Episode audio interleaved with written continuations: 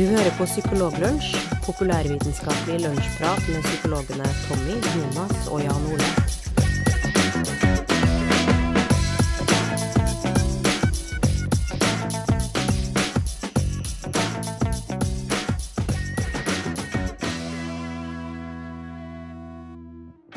Hei og velkommen til en ny episode Psykologlunsj.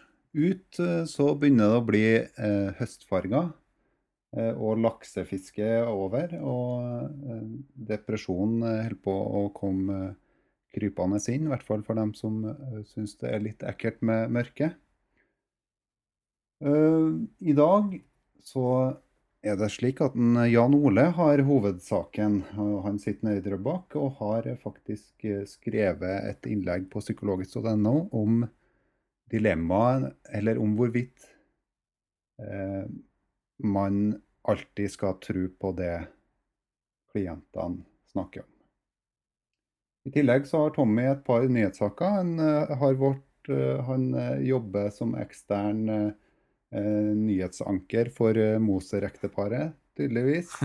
Eh, fordi at det blir en sak om Moser, eh, i tillegg til en, en annen hovednyhetssak. Kan ikke du snakke litt om det, Tommy? Og veldig rett på. Det er jo helt riktig. Det er jo eh, kjøpt og betalt av eh, Moser-ekteparet nå. Ehm, nei da, det var bare litt morsomt å nevne det, siden vi har uh, snakka om det tidligere, og det at uh, det kanskje ikke er så Det er ikke så mange som skulle tro at det gikk an å lage god forskning eh, på verdenstoppnivå i lille Trondheim, i en liten by. Men det er det jo bevist at det går an, siden de fikk Nobelprisen, da. Og eh, nå ble det for en liten stund siden kjent at eh, en, eh, en dame ved navn Pauline Bråten eh, donerer da 50 millioner kroner til, til Moser-ekteparet sin virksomhet og forskning. Eh, Og hun var, var da eh, enka etter eh, en eh, kar som eh, omtales som Norges ukjente millionær, Egil Bråten, som døde av Alzheimer da, i eh, 2009. Og derfor så har da hun enka beslutta at det er Moser-ekteparet og deres forskning på hjernen som skal få en sum av de pengene han etterlot seg, da. Eh, og I tillegg så, så dobler da, eller bidrar Kavli Foundation med 50 millioner i tillegg, sånn at det totale beløpet blir 100 millioner. Eh, Det som eh, det sto, det var at de tredobla da den kapitalen som er i, um, i stiftelsen Trondheim Foundation for eh, Scientific Research, som forvalter eh, Som ba- blant annet bidrar med eh, finansiering til Kavli Institute of- for Systems Neuroscience ved NTNU, som er der eh, Moser-gjengen er. da. Eh, Mm. så, så vidt jeg forstår, så gis det ikke pengene direkte til eh, Moser-ekteparet i hånda. Det gis da til dem som, for, som eh, eh, forvalter eller som forvalter det fondet som bidrar med pengene til Moser igjen. da. Fantastisk gode nyheter der, altså. At Moser-ekteparet og kollegaene deres eh, får masse å arbeide med. Og de har jo sagt at de ønsker å, å jobbe videre med bl.a. Alzheimer-gåten. Er ikke det slik? Uh, Og at de regner med at den blir løst uh, i løpet av inneværende år. Ja. mm. Hvis jeg ikke husker helt feil. av Det Ja, det kan hende at, eh, det kan hende at eh, hukommelsen spiller et puss, eh, Jan Ole. Men eh, vi, Tommy, du hadde en sak til du, om, om et annet problem, og det handla mer om forsøpling, gjør ikke det? Ja. Her er jo en ting som er ganske morsomt, og som jeg tror vi Som er litt sånn opp vår eh, bakgate, da. Det her med hvorfor gjør folk de tingene som de, som de gjør? Altså hvorfor handler ikke folk eh, mer rasjonelt eller klokere, da? Eh, og en av de tingene som er utrolig unødvendig, er jo forsøpling av gata. Eh, at Mhm. folk kaster søppel og sneiper og tyggiser og sånt på gata når det, det krever minimalt med energi å bære det bort til den nærmeste søppelbøtte i, i byer, i hvert fall. Um, og da er det sånn uh, Hvordan skal man løse sånne typer problemer? Hvordan skal du greie da å motivere folk til å gjøre den lille, bitte lille ekstra innsatsen det da krever? Og der er det en, um, en engelsk uh, organisasjon som heter Hubbub, som har funnet på noe som jeg syns var helt genialt. Eh, de har da satt opp eh, sånne eh, slags søppelbøtter med gjennomsiktige sånne, sikkert sånne glassplater foran søppelbøtta, hvor du da kan hive f.eks. sigarettsneipen din da, i den søppelbøtta. Og så står det over søppelbøtta en, en tekst eller et spørsmål som f.eks.: Hvem er den beste fotballspilleren i verden? Og så kan du da putte sneipen din i én av to eh, åpninger, som da fyller opp de her søppelbøttene med gjennomsiktig glass. Eh, hvor det da enten står f.eks. Ronaldo eller Messi. Og da, i stedet for at du tenker at du bare kaster sneipen din, så stemmer du da samtidig på hvem som er verdens mest, eh, eller beste fotballspiller. Og det gjør jo selvfølgelig til at folk da velger å gjøre det, i stedet for å hive sneipen på gata. Det syns jeg var veldig festlig. Eh, Hvem er er, veldig- hvem er, hvem er, hvem er Ronaldo og Messi, Jan Ole? Det var eneste biten jeg ikke forsto oppi der. Eh, Det er jo kanskje bare du i hele Norge som ikke vet hvem det er, eh, Tommy. Eh, Og du later som du ikke vet hvem det er, men samtidig så er det en god del ting du ikke vet om dem, f.eks. Hvor de spiller og uh, hvilket land de kommer fra og sånn. Det er jeg ganske sikker på at du ikke vet uh, noen ting om. Det, Men dette er jo veldig morsomt, og nok et sånt tiltak innenfor det som kalles nudging. Eh, altså sånne, sånne allmennyttige tiltak som spiller på våre De rare tingene som påvirker våre valg. Sånn som her, så er det jo eh, egentlig da humor og det ønsket om å eh, avgi en stemme i dette, det som føles som et utrolig viktig valg, Mm. eh, er en del av det som de spiller på her, da. Eh, og veldig, veldig Nok et veldig artig eksempel på hva man kan gjøre når man vet litt bakgrunnen for hvordan folk handler som de gjør, da.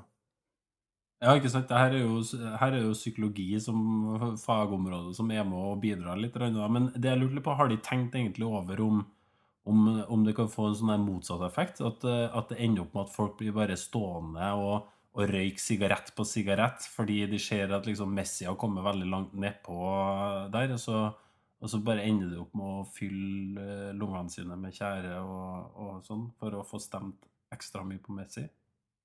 Det var, det, det var faktisk noe av det første jeg også tenkte på.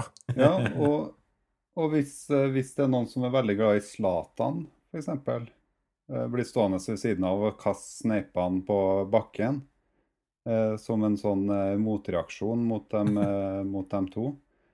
Eh, Eller at de slutter å røyke fordi at de ikke har lyst til å avgi stemme.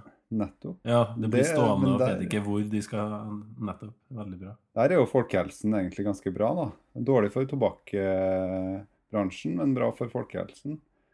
Det, det er jo òg Når jeg, da jeg var rundt ja, eh, rundt ti, da, eh, på Steinkjermartnan, som det heter på Steinkjer eh, Årlig så arrangeres det en sto, et stort marked på Steinkjer.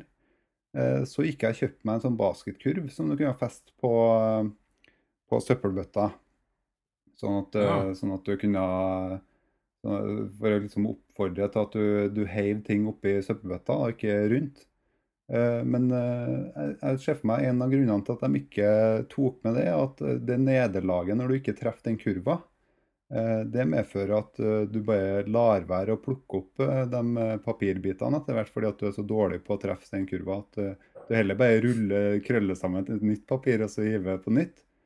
Eh, De har sikkert forsøkt en sånn ordning også, og, og sett at Jonas-metoden ikke funker så veldig bra.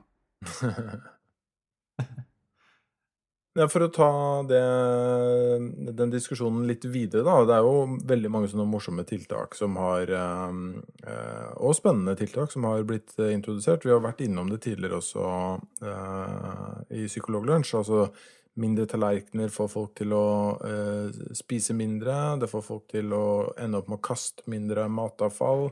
Hvis du merker hvis du merker eh, eh, vaskemaskin og tørketromler og sånn med energiforbruket, kostnaden i løpet av et år, så kjøper folk dyrere modeller som er mer energieffektive. Mm. Eh, og vi vet fra Storbritannia at hvis du får med en eh, personlig melding på, på selvangivelsen din, så rapporterer folk inn eh, mye raskere. og en god del sånne tiltak som, som tilsynelatende har en god del Eh, effekt, da, i hvert fall når man gjør det i stor skala. Mm. Og det, det, jeg er spent på, uh, er jo om om de uh, resultatene vi har sett nå fra ganske mange studier, blir, ender opp med å bli implementert i stor skala rundt omkring, og om resultatene fortsetter å bli værende sånn. Mm. Eller om det er en sånn Det er fort gjort at det er en slags effekt som, som tar av Eh, litt etter hvert, og når folk blir veldig vant til at det skal være sånn. Så hvor Når du går forbi den, eh, den avstemningsboksen eh, for, for gang nummer 450, liksom, er det like spennende å stemme på Ronaldo Messi da? Antageligvis ikke. Så, mm. så hva er kostnaden ved å vedlikeholde det og, og komme med nye tiltak? Så det, det er, der er vi ikke helt ennå, og det er ganske spennende på å se hvordan det blir. Mm. Og så er det jo Det kan jo hende at uh, det, altså det må jo oppdateres hele tida, de, de avstemningene nå. Det er jo ingen som ville ha kasta sneipa opp i hvem er beste uh, spiller VM 1990. Uh, Oi, er det, det Lothar Matthaus, eller er det, eller er det Gary Lineker?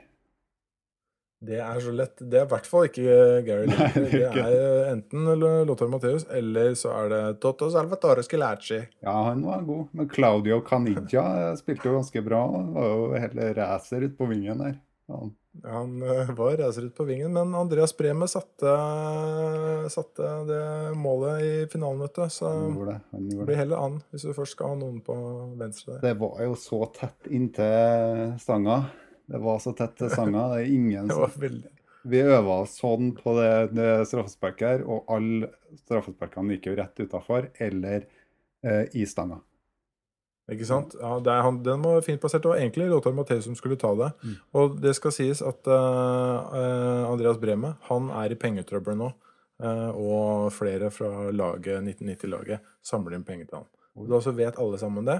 Ja. At uh, Psykologlunsj kommer ikke til å gi penger til uh, det uh, veldedige formålet der. Men hvis noen har lyst til å gi penger, så er det mulig. Og det her må jeg da erklære som den mest fascinerende og interessante og lærerike samtalen jeg noen gang har vært vitne til. Eh, not. not, ja. Ja det, det, er en, det, er et fint uh, avrundingsutsagn uh, på denne nyhetsrunden. Eh, men det er jo også slik da at vi har jo en, eh, en spalte på psykologisk.no som, eh, som, som, egentlig rullerer på oss tre. Men det er Jan Ole som har vært mest aktiv med å skrive spalta der. Og Jan Ole han tar også opp den spalten sin som en podkast som heter Psykobabel. Så hvis man syns at det er litt plagsomt å lese på nettet, eller hvis man også skriver det ut på papir og syns det er plagsomt å lese det på papir også, så kan man eh, i stedet høre det som lydopptak med den eh, veldig gode fortellerstemmen eh, som Jan Ole har. Uh, og jeg kan røpe at hvis du klikker deg inn på Psykobabble på iTunes, så står det Listener, 'Listeners also subscribe to Psykologlunsj'. Og det er fantastisk. Og, og det, er bra, det, er en bra måte å få uh, formidla teksten sin på flere måter. Det, der, og det som er fordelen med Psykobabbel kontra Psykologlunsj, er at Psykobabbel der har, har, har jo den, uh, Jan Ole forberedt seg godt. Uh, mens i Psykologlunsj uh, så er i hvert fall vi to andre vi, vi, vi snakker litt på, på frihånd. Eh, må, må sies, da. Men eh, det som Jan Ole snakka om sist, eh, det vil jeg gjerne at Jan Ole snakker om litt sjøl. Men det handler jo gjerne om det hva om pasienten eller klienten vi møter, ikke snakker sant? Stemmer ikke det, Jan Ole? Nei, altså jeg har skrevet en artikkel om en sak som jeg var veldig kort borti. Eh, så i mitt yrke som psykolog, da, eh, og det var en pasient, eller en klient, eh, som man kaller det, som kom inn og fortalte en historie som var litt vanskelig å tro på. Og dette var en pasient som hadde fått en diagnose som egentlig tok utgangspunkt i at den ikke var helt sann, den historien. Mm. Det var da en såkalt uh, schizofrenidiagnose, paranoid schizofreni. Og den diagnosen tar litt utgangspunkt i at du har en vrangforestilling. Og denne pasienten fortalte en historie som involverte at han hadde vært undercover for, for, politiet, og at han hadde endt opp med å bli rusmisbruker mens han var undercover i et kriminelt miljø. Han hadde jobbet uh, for et profesjonelt sykkellag, internasjonalt sykkellag, og reist uh, rundt med det. Mm. Uh, og det var flere detaljer som var liksom vanskelig å tro på. Og så tenkte jeg at jeg skulle bruke den historien et, som et utgangspunkt for å snakke om det med hvordan, hvordan, vi tolker sannhet, eh, og hvordan vi Eh, har tillit til eh, folk overfor oss. Eh, hvordan vi vurderer om det de sier er sant eller ikke. Mm. Og, og, det gjelder ikke da bare pasienter man har i behandling, men, eller som man skal gjøre, vurdere, men alle mennesker. Det er jo noe jeg tenker vi gjør hele tiden. Og det som, eh, det som, fikk meg til å tenke på å skrive den saken i utgangspunktet, var at vi hadde Tommy var også i det kullet som jeg eh, studerte i, og vi hadde en eh, foreleser en gang som sa det at man alltid skal ta utgangspunkt i at eh, den eh, personen man har i terapi, snakker sant. Mm. Eh, og det er noe som jeg umiddelbart tenkte er litt kan være litt problematisk. Det er ikke helt uproblematisk, i alle fall. Eh, fordi vi vet veldig godt at eh, folk eh, både kan ha noe å tjene på å ikke snakke sant, de kan huske feil uten at de, uten at de med vitende vilje ønsker å, å snakke usant, så kan de, kan de, likevel huske feil. Det gjør vi stadig vekk alle sammen. Og så kan det jo være en viktig del av det å vurdere noen uh, som man har i terapi, som som tilfellet var med denne personen jeg uh, hadde. Mm. Så eh, jeg vet ikke hva dere tenker om det, det utsagnet at man alltid skal tro på den personen man har i terapi. Altså, jeg tenker jo at Jeg satt jo i det samme klasserommet som deg da denne foreleseren sa det her. Um, så prøver vi å tenke litt på hva, hva, hva var intensjonen med å si det. Fordi, eh, mm. fordi, konteksten da tror jeg kanskje, i hvert fall i den foreleseren så det var kanskje noe annet. Eh, nemlig at ikke, at ikke vi skal gå rundt og, og um, stille spørsmål ved om liksom ja, var, var det her så ille, eller var det helt riktig på den måten? Altså at man skal ta pasientens opplevelse som, uh, som sannhet, eller som uh, som riktig for pasienten. Det blir vel det egentlig mm. som er, ligger i det. At det, det, den pasientens opplevelse er sånn, sånn som det beskrives. Um, så syns jeg jo du tar og setter fingeren på noen eh, ganske gode innvendinger til det. Eh, du utdypa kanskje ikke nå så godt som du gjorde i teksten hva du mente med det første innvendinga. Altså hva er det, hvilke situasjoner er det faktisk folk har noe å tjene på det å lyve? Eh, eller ikke å lyve, men ja, lyve også, men det å ikke snakke ærlig. fordi det er jo sånn som du sa i teksten, at det kan være alt ifra at man eh, Det er en eller annen rettssak uh, som er, er, på trappene, eller at det er overfor Nav, eller at det er i barnefordelingssaker. Eh, så, så, det finnes jo situasjoner hvor pasienten kanskje er tjent med å ikke fortelle sannheten også. Mm. Ja, og, så, og bare for å ha sagt det, så tenker jeg i utgangspunktet så er jeg helt enig med den Jeg tror jeg vet hva den foreleseren uh, ja. mente, og jeg er helt enig i det. Så du har litt sånn djevelens advokat og, og pirker borti liksom detaljene knyttet til det. Og jeg må bare understreke det at jeg sånn i farta så kan ikke jeg komme på at jeg noensinne har hatt noen i terapi eh, som med vitende vilje har har uh, løyet, eller mm. Og det, jeg, kan ikke, jeg, kan ikke, huske at jeg har vært veldig sånn mistenksom heller, for den, for den saks skyld. Men mm. uh, utover det som er helt normalt, da, at man, at man, hver gang man snakker med mennesker som forteller noe til en, så, så, har man en slags vurdering av om det er sant eller ikke. Og når naboen din sier at 'jeg kom nettopp hjem fra butikken', så, så går den vurderingen veldig eh, veldig kjapt. Da tenker du ikke så mye på det. Men hvis naboen sier 'nei, jeg har vært på månen en tur', mm. eh, så, så, lurer du veldig på hva den personen mener med månen, først og fremst. Og hvis han da bekrefter himmellegemet månen, så vil du jo automatisk anta at det ikke er sant. Mm. Da, da, tar du ikke for gitt at uh, det er sant, det som blir sagt, i alle fall. Mm. For det du, det du, Jeg er helt enig med deg. Og, og, for det du egentlig snakker litt om her nå, det er jo det, det er litt sånn eh, For å ta den foreleseren igjen, da. så litt Det kategoriske i det utsagnet. Det er vel det som er litt sånn Det, det unyanserte. Og det tyder jo på at du har endt opp med å blitt en veldig bra eh, psykolog, da, tenker jeg, Jan Ole. For det er jo, det er jo litt sånn greie til psykologer skal tenke på alt mulig som på den ene og andre siden. Som er veldig, som er veldig sant. Det er veldig Nei, for det er viktig å få med seg det der med hva som antakeligvis var budskapet til vedkommende, for det er man jo selvfølgelig enig i. Mm. Men, men, det kan jo være andre motivasjoner bak det å snakke usant eller å tildekke sannheten òg. Eh, annet enn egen vinning. Det er jo mer eh, eh hvis, det, hvis, man har en del skam over enkelte mm. ting man eh, gjør mm. i løpet av eh, hverdagen som man gjerne ikke kunne tenkt seg å tatt opp uh, i terapi, eller som man har problemer med å ta opp i terapi. Da, så, uh, så, så, um, så, tildekking og, og, det å kanskje forfine for uh, for virkeligheten litt, det er jo, det kjenner, tror jeg ganske mange kjenner seg igjen i uten at man har gått i terapi eller ikke også. Så det er jo et fenomen som, som eksisterer i allmennheten. Og så er jo spørsmålet mm Eh, skal vi konfrontere det direkte? Altså, nå hører jeg at du sier det, men jeg vet at det er sånn og sånn og sånn.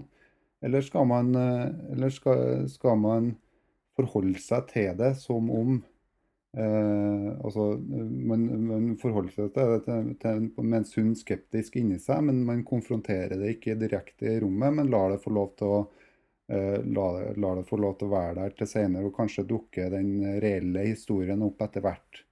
Eh, mm. og da, da, snakker vi en annen, om en annen klientgruppe kanskje enn en den, den, kasusen som du snakka om, uh, Jan Olav, hvor uh, f.eks. innenfor rusfeltet for eksempel, vil, vil, jo kanskje være mer problematisk for en klient å, å, å snakke om omfanget av rusbruken, bl.a.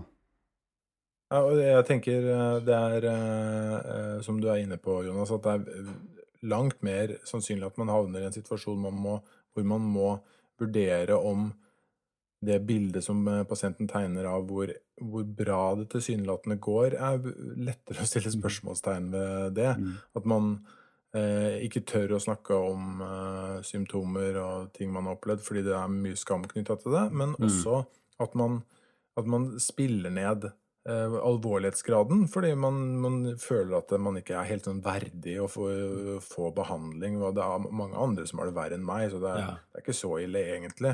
Den har jeg opplevd eh, ganske, eh, ganske ofte. Mm. Og da vurderer man jo også hvor, hvor sant det er det personen overfor en sitter og sier. Mm. Og så, og så, vi, ja, så har vi jo et yrke som er litt basert på Uh, altså, det kan hende at det var det foreleseren ville ha litt fram til òg. At uh, vi er jo litt prisgitt at, uh, at klientene våre snakker sant også. For, for, for, det utgangspunktet vi har da, av å tilby helsehjelp, så, så, så vil det Så, så er jo den så er vi nødt til å vise både tålmodighet og, og, og, og, og kløkt nok til å vite når vi, når vi kan begynne å pirke borti det som vi kanskje tenker kanskje ikke stemmer helt.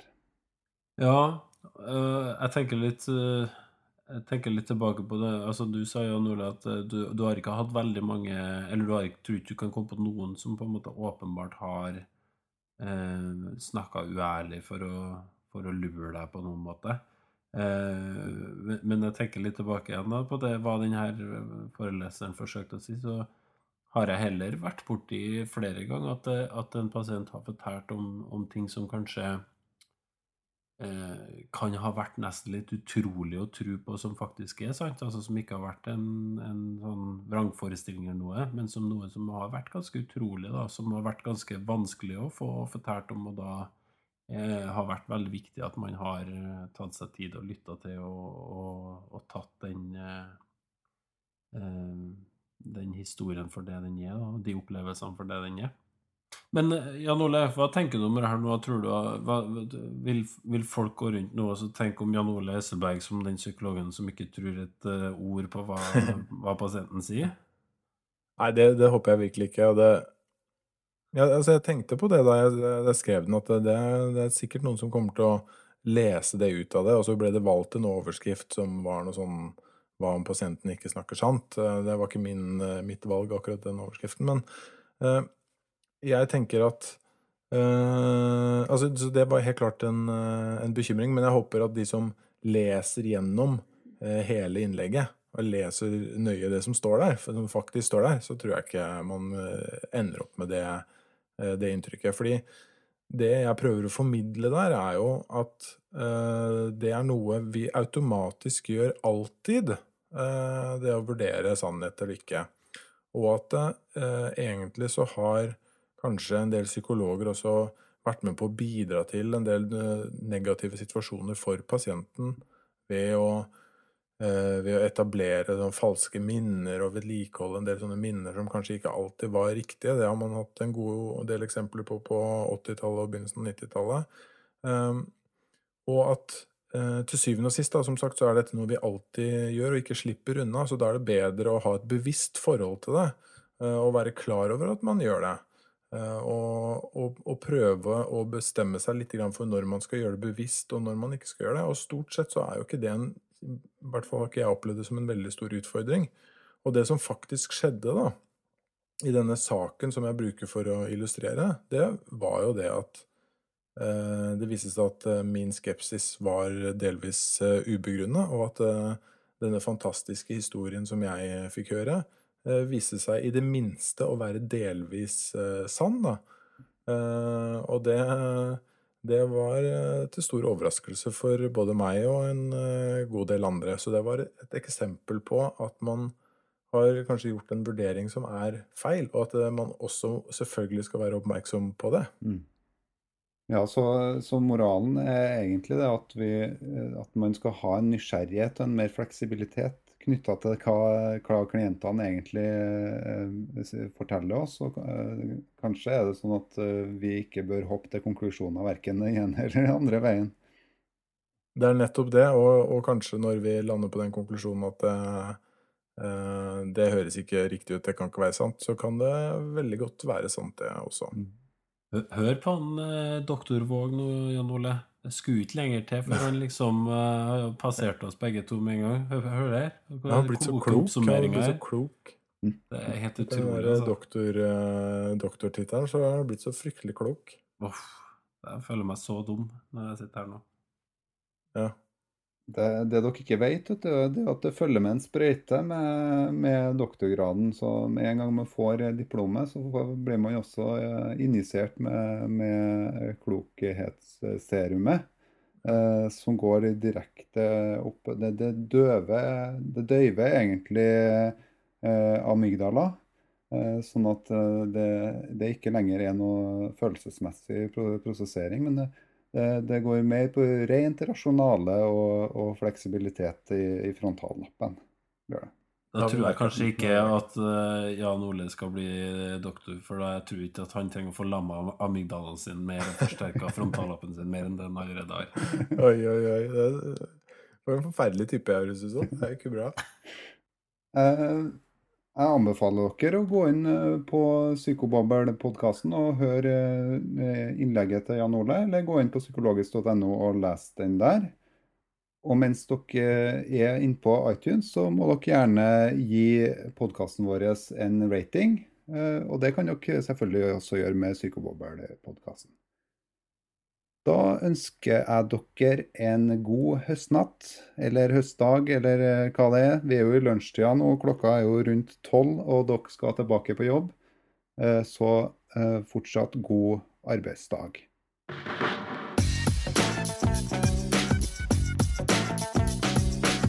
Du har nå lytta til Psykologlunsj. Har du noen spørsmål, kan du søke opp Psykologlunsj på Twitter, eller du kan sende en e-post til psykologlunsj alfakrøll gmail.com.